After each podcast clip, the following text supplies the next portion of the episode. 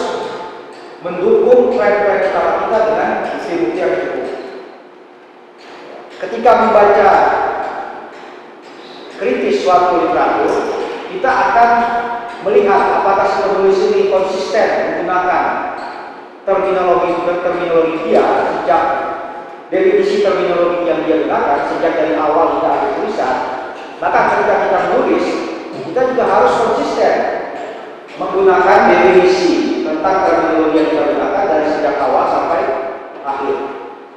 Nah,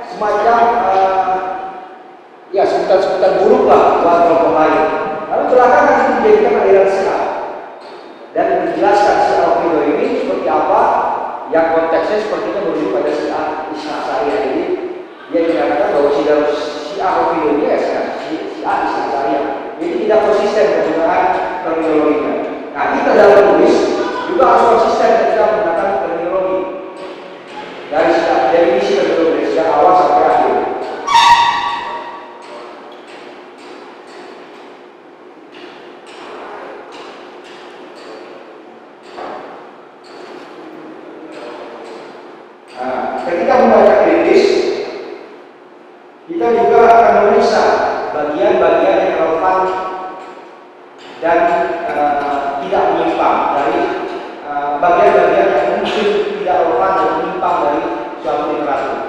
Nah, ketika kita menulis kritis, kita juga harus memastikan bahwa setiap uh, atau bahwa tulisan kita itu tidak memuat bagian-bagian yang tidak relevan atau menyimpang. Uh, banyak tulis itu memasukkan bagian yang tidak relevan dan menyimpang.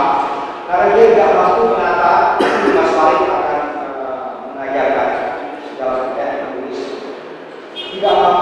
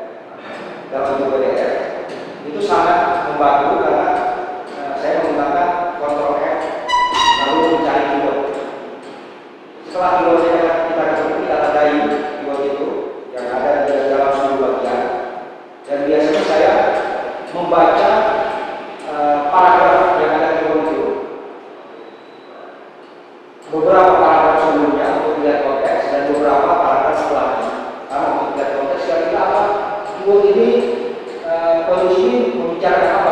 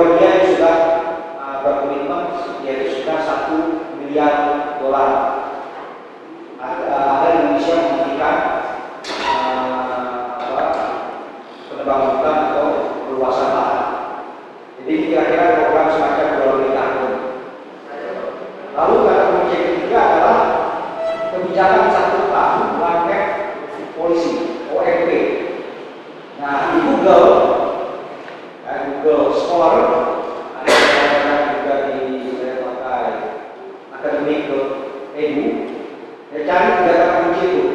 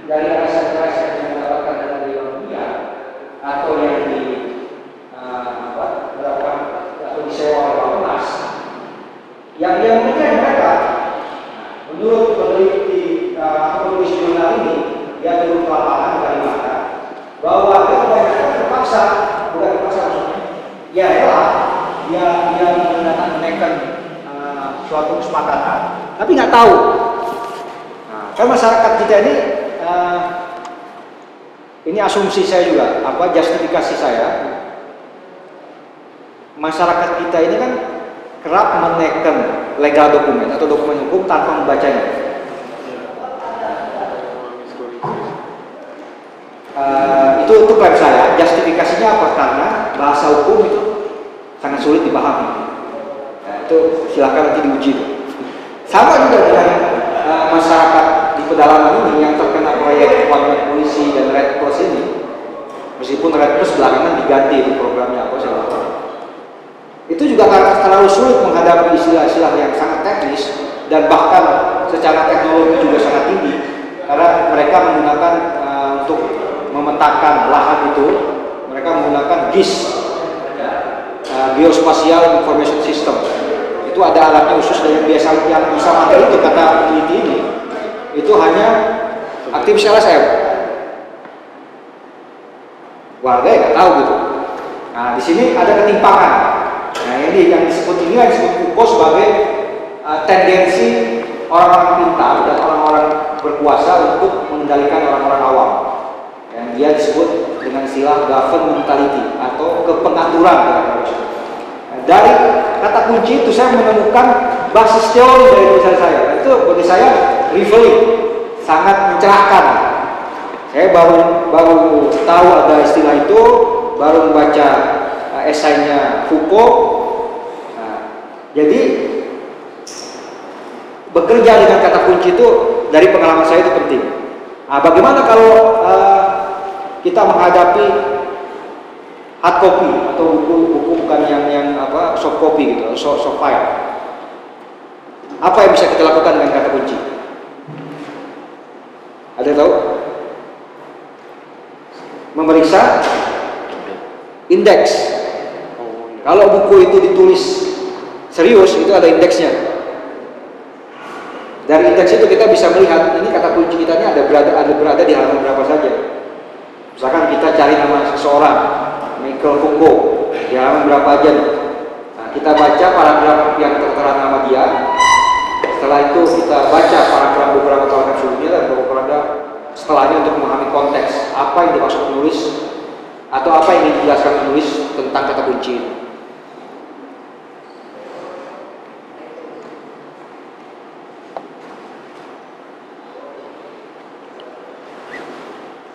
Nah,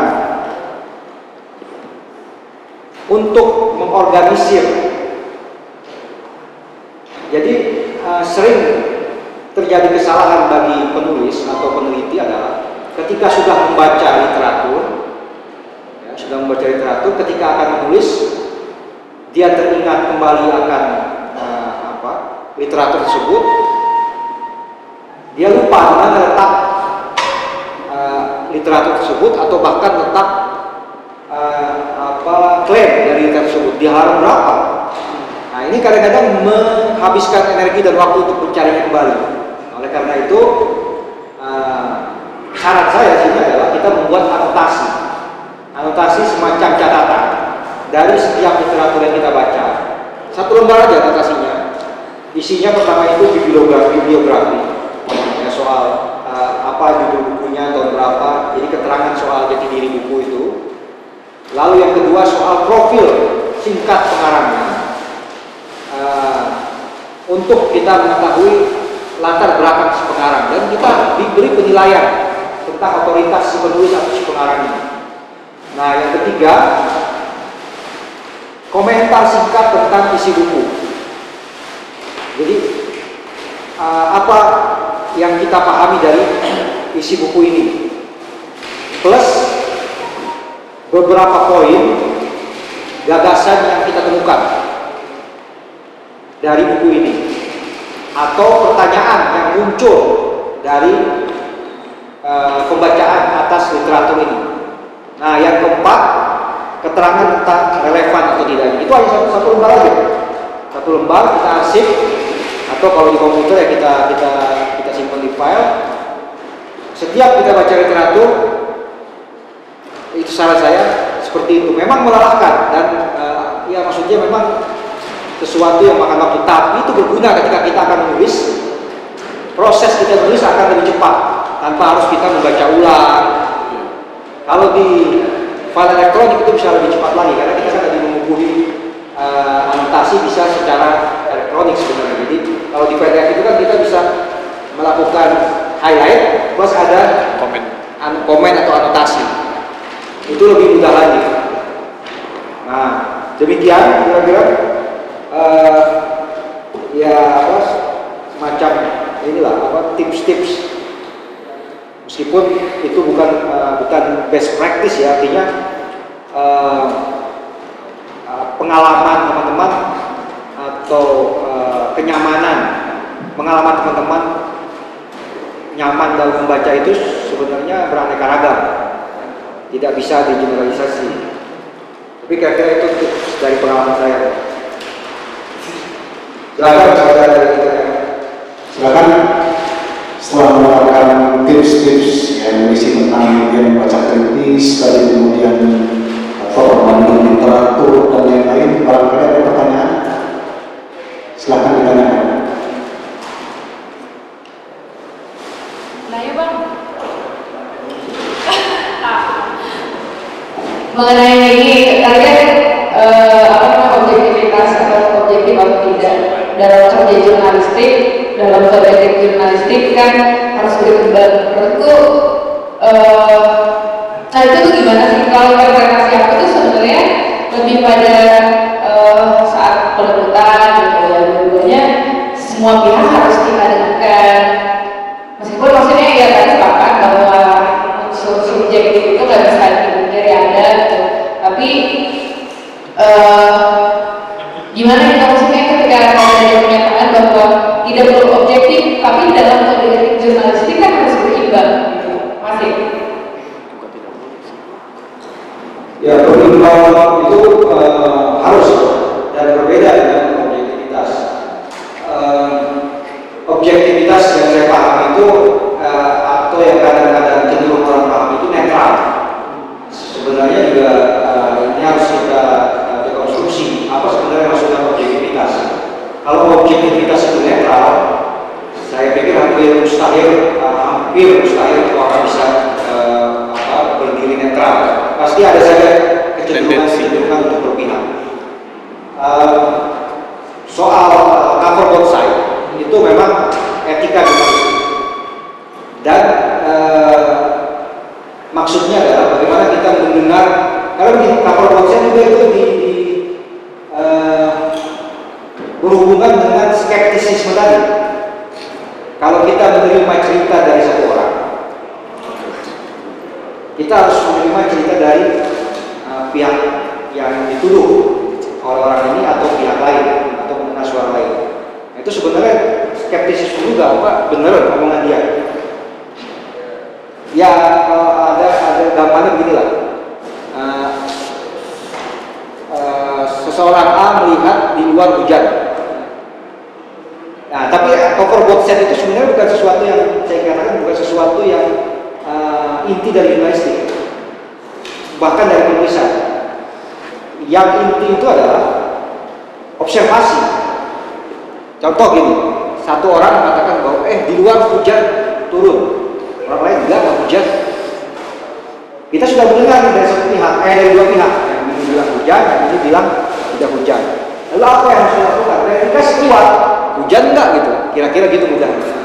Jadi sebenarnya yang yang yang, yang uh, krusial dari jurnalistik yang inti itu sebenarnya observasi, verifikasi, verifikasi, nah, disiplin verifikasi. Jurnalistik itu bisa disingkat dengan disiplin verifikasi. Termasuk saya kira menulis.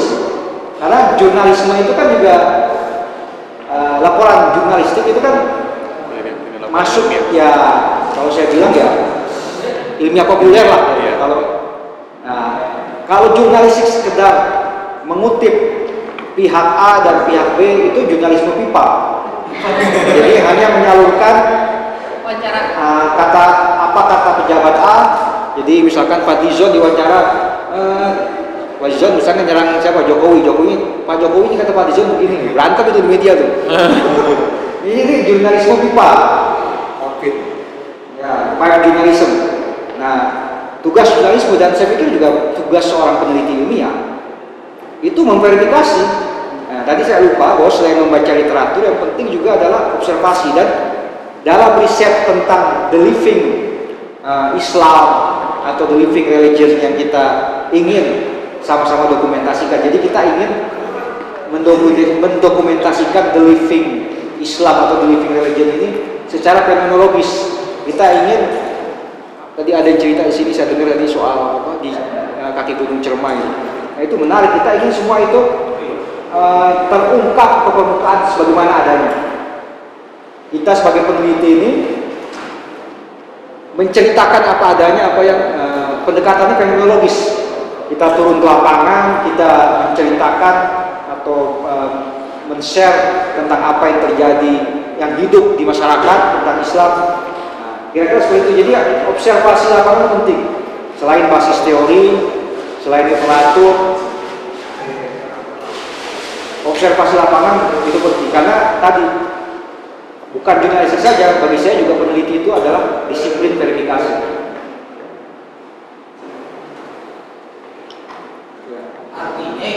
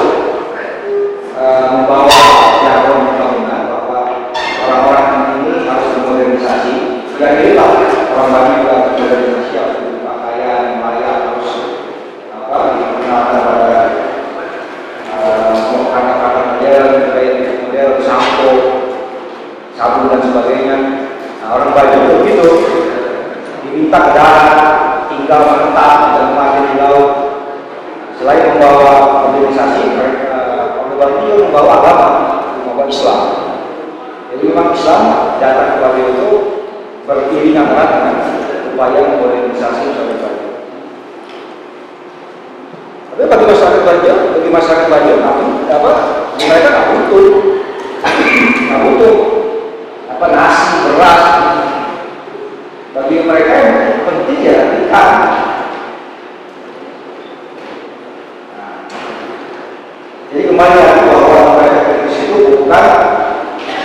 semata menilai suatu fakta, tapi yang lebih uh, penting adalah menilai kualitas suatu interpretasi atas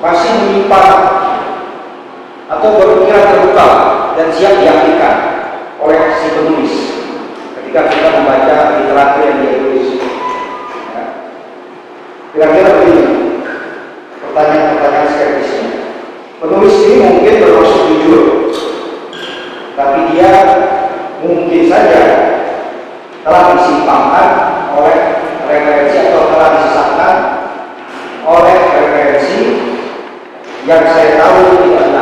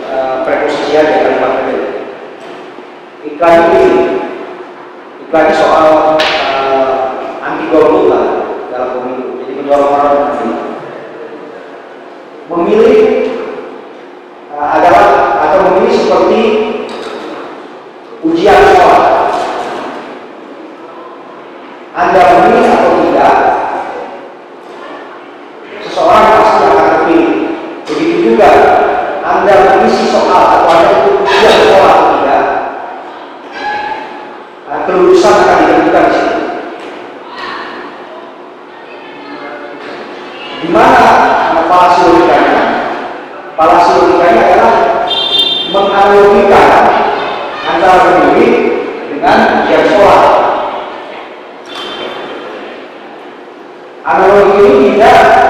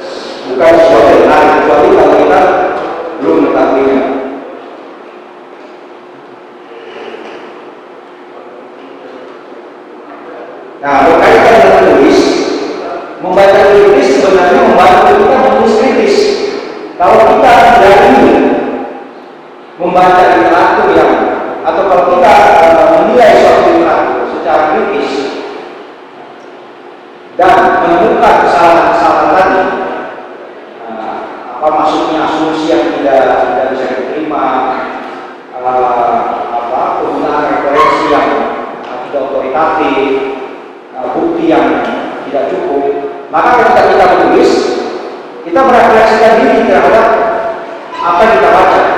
Kalau kita tidak, kalau kita ingin atau flashback kita ingin diterima oleh eh, pembaca, maka kita tidak, eh, maka kita harus menghindari kesalahan-kesalahan yang dilakukan oleh penulis tadi.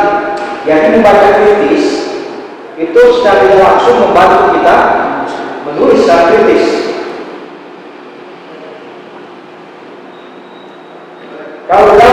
Kritis kita berupaya memahami motif atau nilai, nilai atau prakonsepsi dari penulis, maka ketika kita menulis kita harus menyatakan tegas atau jelas bahwa uh, ini asumsi-asumsi kita dan ini tujuan-tujuan saya.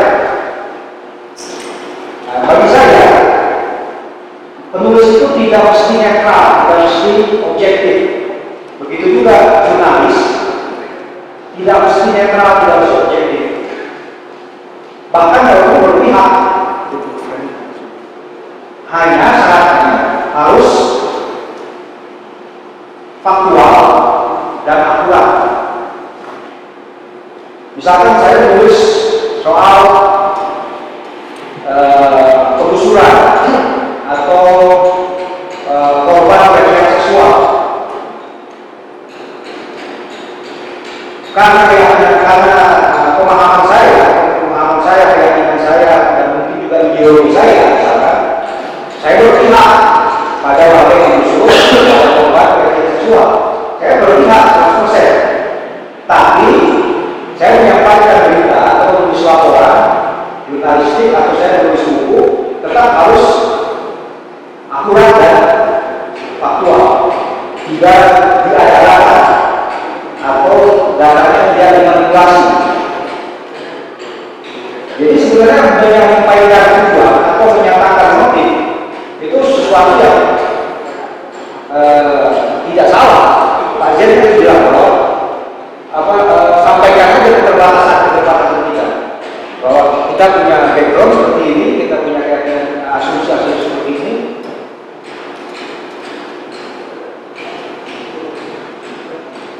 Nah, kalau kita ketika membaca kritis sesama struktur argumen penulis ya, mengidentifikasi klaim-klaim kalau penulis ya, maka ketika kita menulis kita juga harus menyusun struktur penalaran penulis ya begitu juga kita harus mendukung klaim-klaim utama kita dengan bukti-bukti yang cukup ketika membaca kritis suatu literatur kita akan melihat apakah si penulis ini konsisten menggunakan terminologi terminologi dia sejak definisi terminologi yang dia sejak dari awal hingga akhir tulisan maka ketika kita menulis kita juga harus konsisten menggunakan definisi tentang terminologi yang kita gunakan dari sejak awal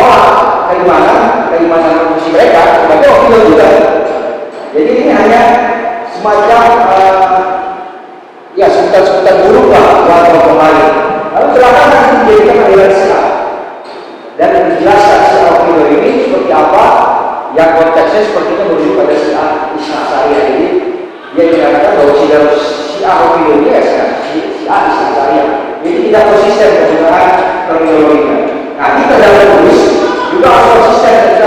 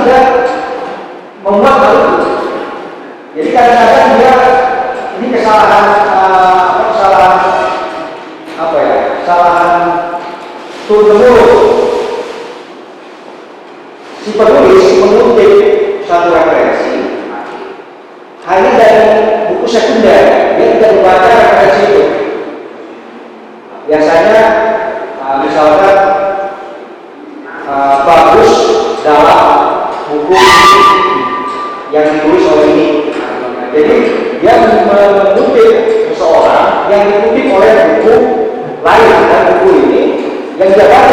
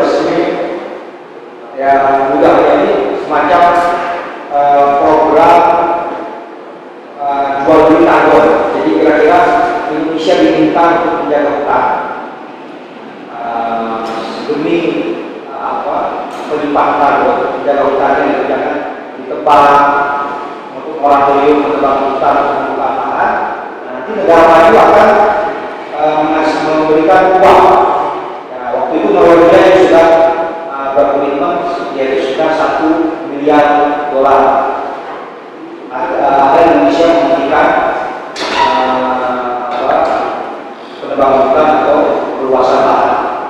Jadi kira-kira program semacam dua lebih tahun. Lalu yang proyek ketiga adalah kebijakan satu tahun one map polisi OMP. Nah itu Google, eh, Google Scholar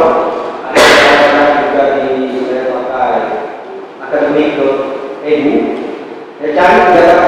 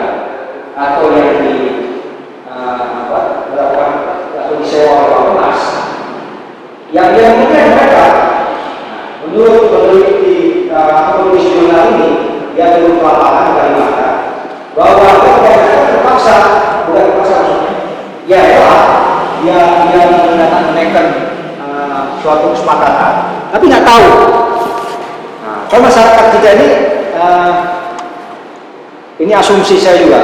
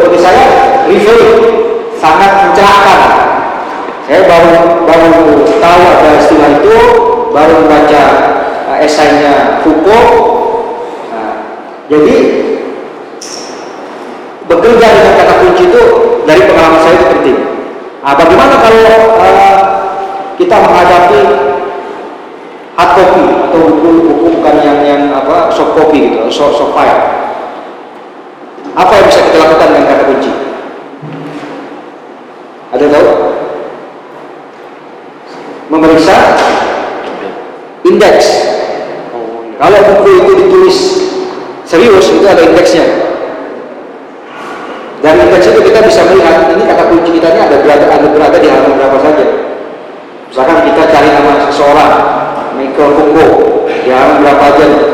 Nah, kita baca paragraf yang tertera nama dia. setelah itu kita baca paragraf beberapa tahun sebelumnya dan beberapa setelahnya untuk memahami konteks. Apa yang dimaksud penulis atau apa yang dijelaskan penulis tentang kata kunci ini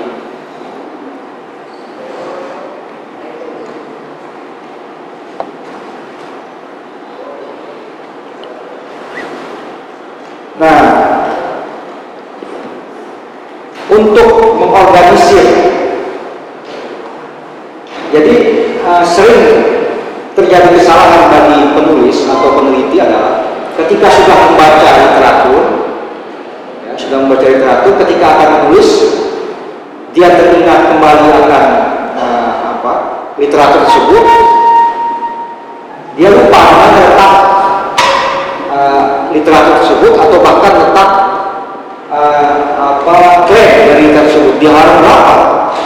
Nah ini kadang-kadang menghabiskan energi dan waktu untuk mencari kembali. Oleh karena itu, uh, saran saya juga adalah kita membuat anotasi, anotasi semacam catatan dari setiap literatur yang kita baca. Satu lembar aja anotasinya. Isinya pertama itu bibliografi, bibliografi ya, soal uh, apa judul bukunya tahun berapa, jadi keterangan soal jati diri buku itu. Lalu yang kedua soal profil singkat pengarangnya uh, untuk kita mengetahui latar belakang si pengarang dan kita diberi penilaian tentang otoritas si penulis atau si pengarangnya. Nah yang ketiga komentar singkat tentang isi buku. Jadi uh, apa yang kita pahami dari isi buku ini plus beberapa poin gagasan yang kita temukan dari buku ini atau pertanyaan yang muncul dari uh, pembacaan atas literatur ini. Nah, yang keempat, keterangan tentang relevan atau tidak. Itu harus satu, satu lembar aja. Satu lembar kita arsip atau kalau di komputer ya kita kita kita simpan di file. Setiap kita baca literatur itu salah saya seperti itu. Memang melelahkan dan uh, ya maksudnya memang sesuatu yang makan waktu tapi itu berguna ketika kita akan menulis. Proses kita menulis akan lebih cepat tanpa harus kita membaca ulang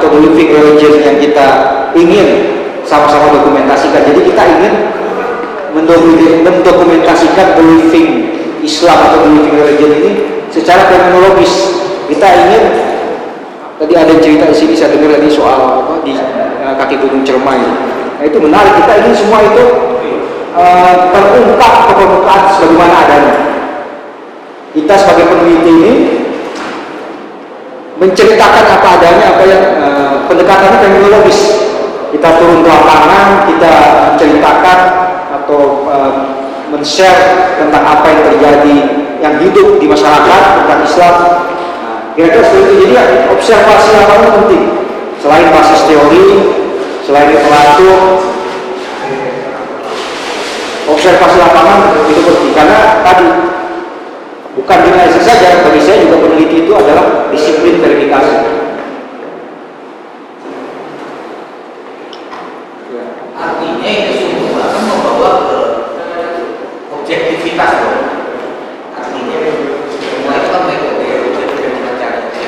Artinya.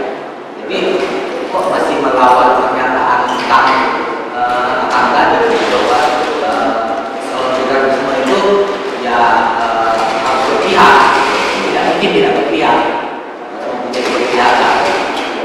Nah, saya jadi bingung nih sekarang. Ya, tapi- Rasanya seluruh penjelasannya mengatur kesimpulan bahwa kita harus objektif. Ya. Terusnya terus terus objektif. Terima kasih Pak. Jadi eh, saya setuju kalau objektivitas itu dipahami seperti itu. Jadi segala sesuatu itu harus diobjektifikasi. Iya, objektifikasi kan itu. objektifikasi. Ya. Tapi ada yang yang saya ingin maksudkan dengan kadang-kadang orang itu objektif itu harus netral kan gitu. Jadi objektif itu makanya saya bilang kira-kira definisi objektif itu apa sih? Kadang-kadang orang itu bilang objektif itu eh, cenderung mengatakan objektif itu netral. Kalau kamu kutip A ya kamu kutip B itu objektif. Padahal menurut saya objektif bukan begitu. Jadi kalau pemahaman objektif itu netral, saya bilang kita tidak bisa objektif. Tapi kalau pemahaman objektif itu seperti yang akan saya sampaikan, saya setuju. Jadi segala sesuatu memang harus eh, ya semakin mungkin kita berada jauh dari ya berhasil. Justru menurut saya yang cukup kali dalam eh, eh, lingkungan yang kita lihat atau yang kita teliti dan kita objektifikasi dan kita verifikasi. Ya, tadi kan orang begitu. Kamu mau objektif ini, masa kamu kutip si A, si B nggak dikutip? Saya bilang si B kan sudah banyak dikutip media lain. ya lagi kita tinggal ya kira-kira gitu. Ini tuh misal. Jadi soal uh, saya tidak setuju dengan objektivitas itu diartikan dengan netral.